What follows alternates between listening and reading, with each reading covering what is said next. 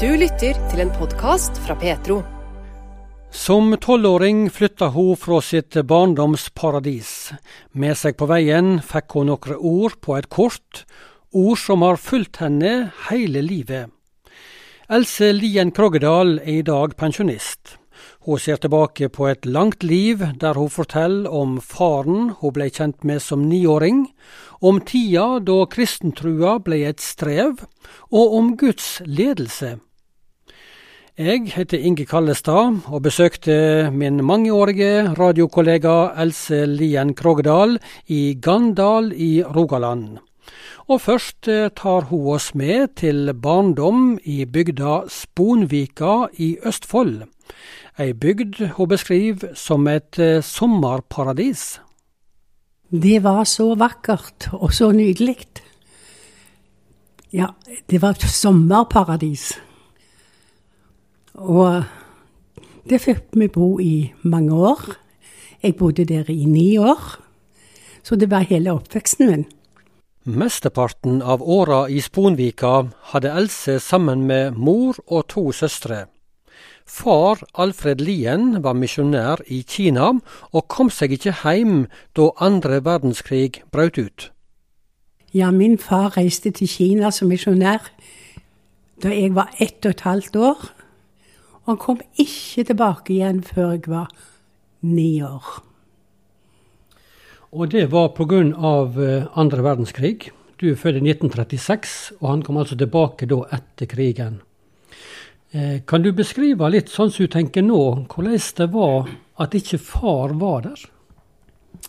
Du vet, nå hadde jeg jo aldri opplevd å ha hatt noen far. Så vi hadde det godt med mor. Mor var trygg og god.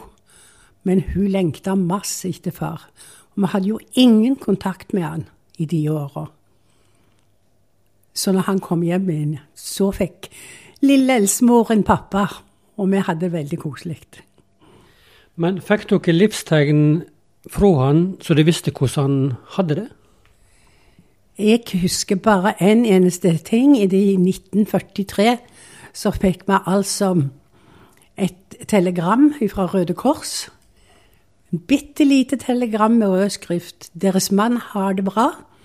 Hilsen X'. Mamma fikk et brev og det hadde tatt ni måneder. Mm.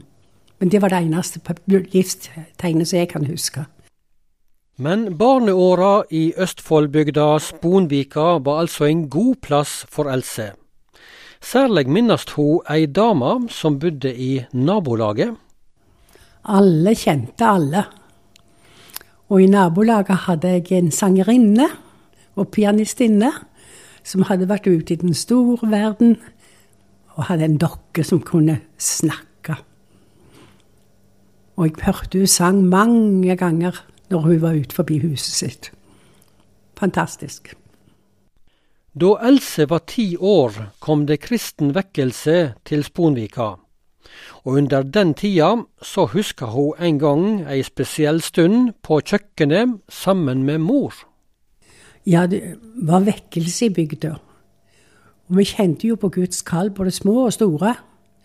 Og jeg forsto at dette måtte jeg ta imot.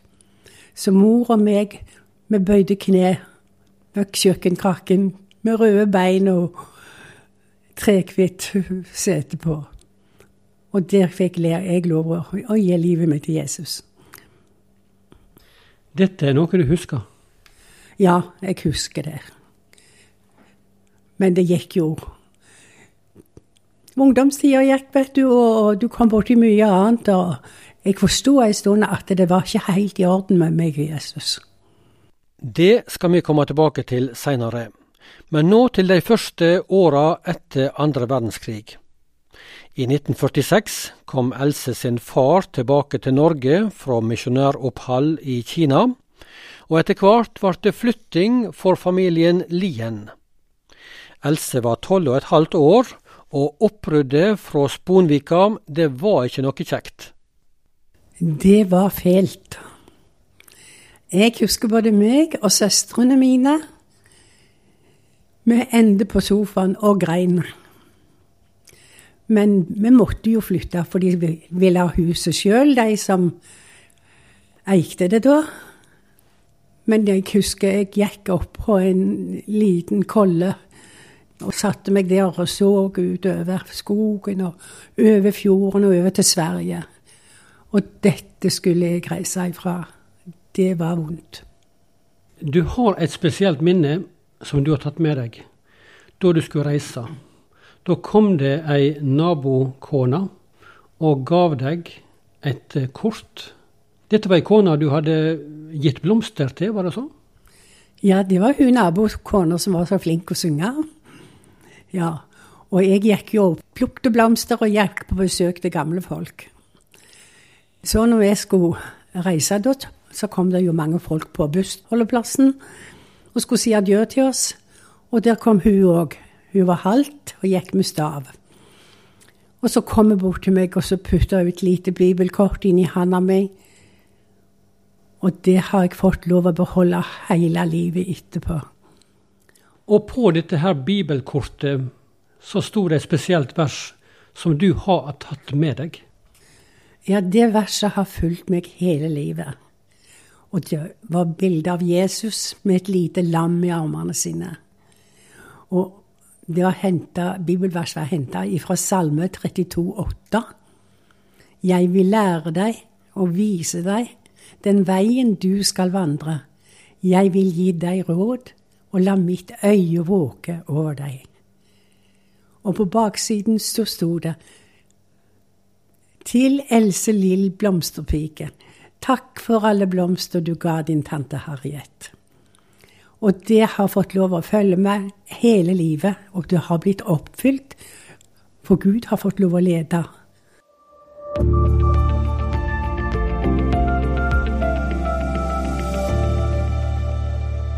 Else Lien Krogedal er gjest i dag, og som tolvåring flytta hun altså og familien fra Sponvika ved Halden og til Gandal i Sandnes i Rogaland.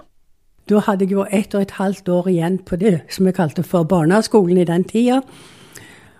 Og her i Gandal så hadde de bare nynorsk. Og jeg hadde aldri hørt nynorsk. Kunne ingenting. Derfor så fant mor ut at det var en plass i kommunen der de hadde bokmål. Og dit sykla jeg. Jeg vet ikke hvor langt det var, men det var et stykke. Att og fram og da var det ikke asfalt, da var det humpevei til Sandnes fra Gandalen. Ja. Men, men, det å, å, komme inn i nytt miljø og få nye venner, hvordan var det? Siden jeg ikke gikk på skole i Gandalen, så fikk jeg jo ikke venner her. Og det var langt å kjøre av gårde til, sykle av gårde til Hana for å gå på skole. Så det gikk tre måneder før jeg fikk kontakt med ei jente. Og den varte livet ut. Hun døde tidlig. Etter barneskolen ble det realskole for unge Else Lien. Først et år i Sandnes, men da mor reiste til Tanzania, der far nå var reist ut som misjonær, ble det realskole på det som den gang het Nissens pikeskole i Oslo. Og da ble det bostad hjå tante og onkel i hovedstaden. Men den tida i Oslo hos tante, vi hadde det veldig kjekt sammen. Akkurat som to gode venninner. Og takker Gud for tida i Oslo. Jeg vil ikke unnvære det for alt i verden.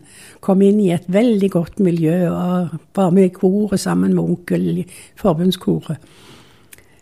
Ja, veldig, veldig glad for det. Men dine foreldre var misjonærer? Og far han var vekke i, i de første ti åra, mesteparten av barndommen din. Eh, og så ble det nye turer til misjonsmarka for foreldra dine. Dette å oppleve en sånn barndom der foreldre var mye vekke, hvordan var det for deg når du ser tilbake nå? Jeg har i grunnen alltid vært fornøyd. Hvor jeg har vært, at det har lagt seg til rette for meg. Så mamma var jo veldig trygg og god under krigen. Og når pappa kom hjem, så var jo han mye ute på reise i, i Norge. Men altså Fire år etter, reiste, etter han kom hjem fra Kina, så fikk han forespørsel om å reise til Tanzania, på ny misjonsmark der. Og det sa han ja til med en gang. Og reiste på tre ukers varsel. Fordi jeg måtte han pga. ting som skjedde der ute. Og to år etterpå så fikk altså mor reise etter. For da var mine søstre i havn. Men, men hvordan var det? Plutselig så drar han på tre ukers uh, varsel? Ja, det var voldsomme greier, for jeg skulle jo stått konfirmant om høsten. Jeg har gått jo konfirmantforberedelser.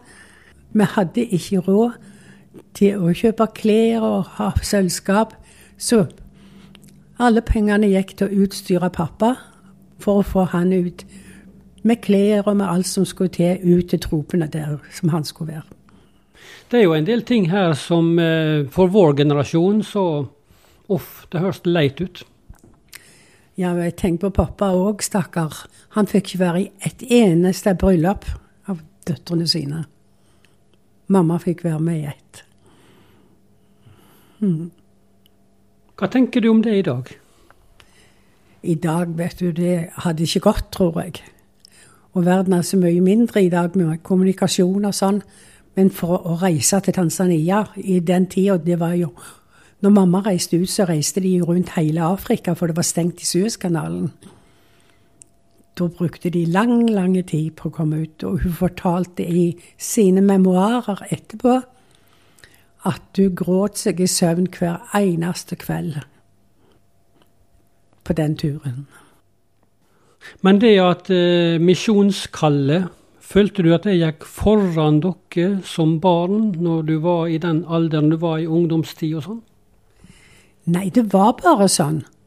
Jeg følte det ikke som noe vondt og ubehagelig. Men jeg savna at jeg hadde en pappa, sånn som de andre hadde.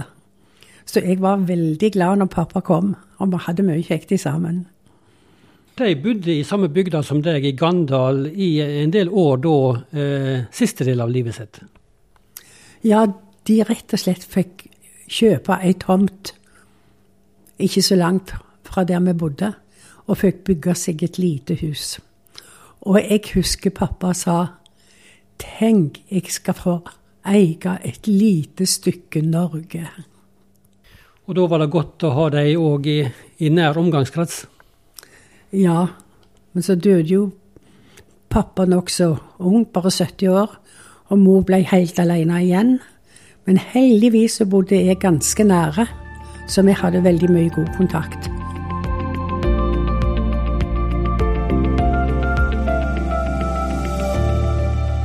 Else, som hadde flytta fra Østlandet som tolvåring, satte etter hvert rot på Vestlandet. I Gandal i Sandnes var hun med i det kristne ungdomsmiljøet, og der ble hun kjent med en gutt som heter Arthur. Stikkord for starten på det kjennskapet, det var noe så enkelt og hverdagslig som en paraply. Ja, du vet, vi gikk jo på, på ungdomsmøte på lørdagskveldene. Og så var vi gjerne hjemme hos noen og drakk kaffe og spilte og sang og hadde det greit etterpå. Og så var det spørsmål om å komme under paraplyen med ei dame, da, for guttene hadde ikke paraply. Sånn var det. Starta det. Og tur under samme paraply førte til at eh, de ble et par, Else og Arthur. Det ble bryllup, det ble husbygging i Gandal, og det ble etter hvert fire barn.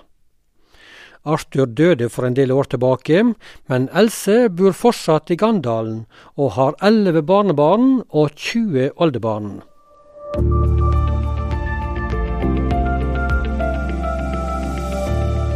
Men vi skal stanse litt mer for Else sitt forhold til dette med kristen tru i ungdomstida hennes. Det var ikke helt enkelt. Hun tar oss med til en kristen leir. Som tolvåring, ja 12-13-åring, så var vi på en påskeleir sammen med hun som jeg traff første gangen her, da. Og vi ga våre liv til Jesus. Og det var jo enestående, syns vi. Og så kom jeg hjem, og så skulle jeg begynne å leve det kristne livet. Og det skulle Else gjøre. Hun strevde og strevde. Dette må du, og dette må du ikke. Pass deg, pass deg. Og jeg strevde i mange år.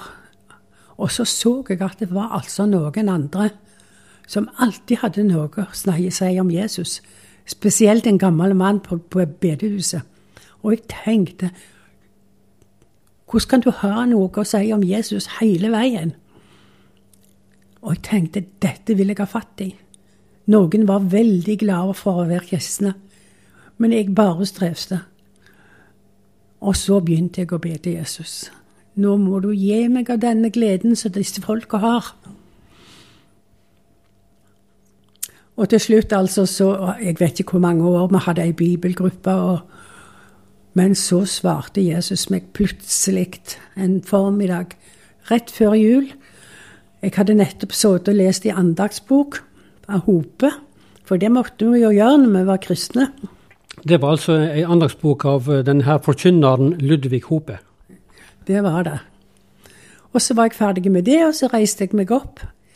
Og der får jeg et bilde foran meg med Jesusbarnet i krybba og så hører jeg en stemme. Det var for deg jeg kom, Else. Å, jeg blei så glad. Og jeg så Jesus. Alt Jesus sitt var mitt. Og det var gratis. Jeg blei så glad at jeg holdt på å hoppe i taket. og den gleden har jeg òg forfulgt meg siden. Og Bibelen, som var en ting jeg måtte gjøre fordi jeg var kristen, det ble noe med stor interesse og formelig spiste ord. Og det hjalp meg veldig. Da var livet nytt. Fortell Else Lien Krogedal.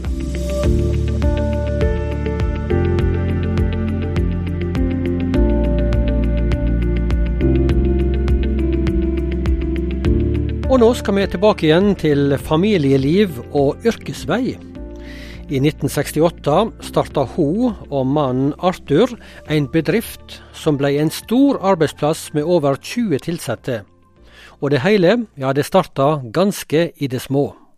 Ja, det var ei dame i nabolaget som spurte Arthur om han kunne lage en, et klokkestrengbeslag i smedjen. For hun hadde sydd en fin klokkestreng. Og sånn begynte det.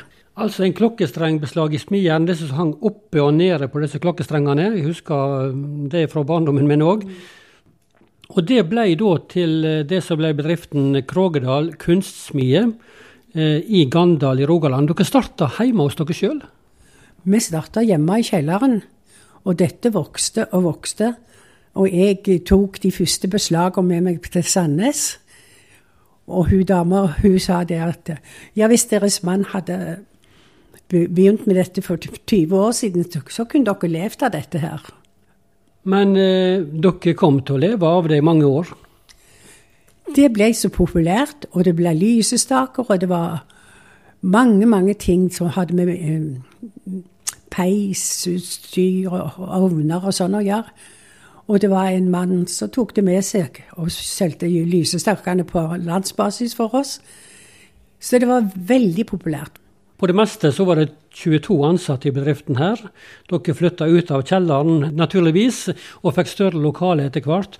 Men, men eh, du hadde òg tatt en utdanning som viste seg, mer enn du trodde før kanskje, viste seg å passe veldig godt inn i dette arbeidet med bedriften? Ja, det var noe som jeg aldri hadde tenkt at jeg skulle gå på en handelsskole.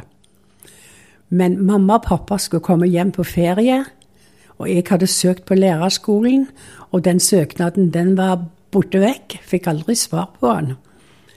Og så måtte jeg jo, være der mor og far var da, på det året de var hjemme, så sa mange til meg ta en handelsskole, for det kan være godt å ha. Så gjorde jeg det. Så jeg gikk på Uldals handelsskole i Stavanger med engelsk og tysk handelskorrespondanse. Og bokføringskurs. Og det jeg ikke visste da, at det var skreddersydd til vår bedrift. For at den eh, engelske og tyske handelskorrespondansen, den fikk jeg jo veldig godt bruk for. Så du gikk inn i bedriften og hadde kontorarbeid der i mange år. Samtidig var du småbarnsmor. Det må ha vært en travel periode? her? Ja, jeg følte jeg eksisterte i 15 år. Jeg hadde ikke tid for meg sjøl. Det gikk i ett kjør hele veien. For jeg var med i mye. Og så hadde jeg heimen, og vi hadde gateklubb. Og jeg var med i Yngres. Og så hadde jeg en mamma som var syk, som trengte meg. Jeg hadde det så travelt at jeg hadde bare én time til rådighet. Og det var ifra min mann gikk på jobb, og til ungene skulle vekkes og gå på skolen. Og da hadde jeg Bibelen min, og der ga Gud meg først bibelord. Og så fikk jeg altså en gave til å lage sånne streketegninger som Arthur lærte meg. Strekemenn. Og det brukte jeg på Yngres. Og det var en veldig kjekt, altså. Både på Yngres og i gateklubben. Og hvis jeg ikke brukte den timen, så ble det ikke tid den dagen. Ja, Da fikk du ikke tid til andre ting? Nei. Alt det praktiske som krevde seg rundt meg, det tok hele tida mi. Men denne timen for deg sjøl, og med Bibel og bønn, den var sånn avgjørende for å få en god dag? Ja, og det er den, den dag i dag. Det første jeg må gjøre, altså, det er å søke Guds rike først. Så får du alt andre i tillegg. Og det har holdt til det bibelåret. Mange ganger når jeg kanskje var lei og våkner om morgenen, har vondt, og så går jeg opp og så spiser jeg frokost, og så venter min kjære venn på meg. Og så får jeg glede og fred i hjertet, og da kan jeg gå glad ut til en ny dag. Yngresarbeid var én ting. Leirarbeid i kristen regi var du med på, og forskjellig arbeid blant barn og unge? Ja, vi hadde en gateklubb hjemme i, i kjelleren som vi hadde i ti år. Og på yngre var jeg med i 16 år. Og så leira? Og så var vi mye ute på leira, både Arthur og meg. Og på weekender. Men, men eh, gateklubb, sier du. Hva, hva, var det? Når vi gifta oss, så telte jeg opp elevene på søndagsskolen. Det var 400 elever innmeldt på søndagsskolen i Gandalen. Og så ble det slutt på disse søndagsskolemøtene. Mange reiste på weekender og reiste vekk på, i helgene. Og så måtte vi ta en søndagsskole på en torsdagsskole. Eller onsdagsskole. Så vi hadde torsdagsklubb i kjelleren. Og der var det meste 100% oppslutning. Men det er bare for ungene i gata. Så alle ungene i gata møtte opp der, altså? Ja, mest alle. Det var veldig oppslutning. Dette slo an da blant ungdommen, eller blant barn og unge i, i området dere bodde i Gandal. Men når du ser tilbake på nå, den type arbeid, hvor viktig er det å holde på med det også i vår tid? Og det har veldig mye å bety, og kanskje enda mer enn det hadde før, da de hadde kristendom i skolen. Ja, de har det jo det i dag òg, men på likt med de andre religionene. Men dette å få lov å dele det kristne livet til barna, og vise dem at det er godt å høre Jesus det. Det er trygt. Og det er spennende.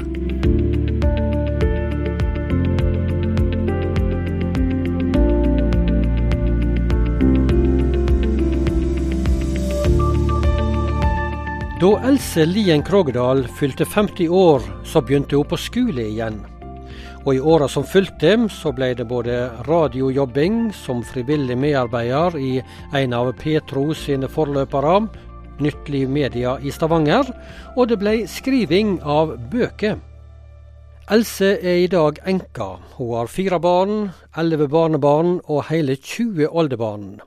Og vi besøkte henne i leiligheten i Gandal i Rogaland. Og først nå skal vi tilbake til året 1986. Else runder 50 år og begynner på en skole som hun lenge har hatt lyst til. Jeg har alltid lyst å gått på en bibelskole. Og da sa mannen min til meg da kan du prøve nå på Fjelltun, sa han. Bare begynn der. Fjelltun bibelskole i Stavanger på den tida der, eh, Misjonssambandet sin skole der. Der var det jo ungdommer i 20-årsalderen, og der kom du som 50-åring. Hvordan var det å komme inn i miljøet der da? Jeg sto trevst, og vi hadde det altså så kjekt og så lange, gode samtaler med elevene. Og har kontakt med noen den dag i dag. Men dette året på Fjelltun bibelskole i Stavanger, eh, hvordan opplevde du den tida? Du, jeg opplevde det altså så godt å få lov å bli gjenkjent med Guds ord. Og det er spesielt ett ord som satte seg fast i meg, som han rektoren sa i en time. Vi får jo tro det, sa han, at Guds ord er en kraft til frelse for den som tror, ennå i dag. Det har jeg aldri glemt etterpå. Så når vi altså forkynner Guds ord, så er det levende. Og det forandrer folk. Det har jeg opplevd. Jeg opplevde en gang på en sånn en ungdomsleir at, at ei jente reiste seg opp og sa bare ett bibelvers. Og det var ifra Efesene 2,8. For av nåde er dere frelst ved tro. Det er ikke deres eget verk. Det er en Guds gave. Og det gikk rett inn i hjertet på meg, og det har sittet der etterpå, at frelsen er en Guds gave som vi må ta imot. Fantastisk. Da du gikk på bibelskole som 50-åring i 1986, eh, på den tida der, så kom du også inn i kristent radioarbeid gjennom en av P2 sine forløpere, Nytt Liv Media i Stavanger, som var starta på 80-tallet. Eh, hvordan gikk det til? Jo, jeg gikk jo på denne medielinja, og så kom en av eh, journalistene i radioen. Skulle lære oss i en time. Og så skulle vi lese høyt og lese inn. Og da fant de ut at jeg leste godt. Så hun, eh, hun Ellen Sørlid hun spurte om jeg ikke kunne lese inn ei bok på radioen. Og det gjorde jeg. Og det var begynnelsen. Vi var med en gang på besøk i studio, og når den døra gikk opp, så så jeg ei stor hånd foran meg. Der skal du være. Og etter den tid så har det blitt mange timer i studio og mange forberedelser til nye programinnslag eh, som du har vært med på eh, lokalradioen, den kristne lokalradioen. Hvis du skulle si noe nå om hva det har betydd for deg å være med i, i, den type arbeid i kristen regi, hva ord vil du bruke da? Jeg vil bare si at det var takk at jeg fikk lov å være med på dette. For det ga meg så mye. Og jeg følte at det ga andre folk òg litt. Og den liten og stor som vi hadde som, barne, som familieprogram da, det var veldig godt mottatt rundt forbi. Men det ble ikke bare radiomediet for Else Lien Krogedal. De siste 30 åra har hun kommet ut med flere bøker, tre barne- og ungdomsromaner, ei historiebok om foreldre som var misjonærer, og ei diktbok. Og diktskriving har det blitt mye av opp gjennom åra. Men hvordan starta skrivinga hennes? Ja, det skal jeg si. Iallfall når det gjaldt dikt. Så var jeg, jeg, så veldig glad for at jeg skulle få det fjerde barnet mitt. At da skrev jeg et dikt. Jeg syntes det var så flott. Og når det gjelder romanene, så var jeg jo leder i Yngres. Og det var nesten ingenting sånt bøker. Fordi så begynte jeg på, på ei sånn ungdomsbok om en, om en gutt i den alderen og fulgte han da til han ble en kristen. Og gjennom liksom skolelivet og likevel, og var forelska og Må ha med det òg, vet du. Ja, så Og den slo godt an. Jeg hadde jo ikke trodd det. Jeg hadde ikke tro på meg sjøl når det gjaldt sånn.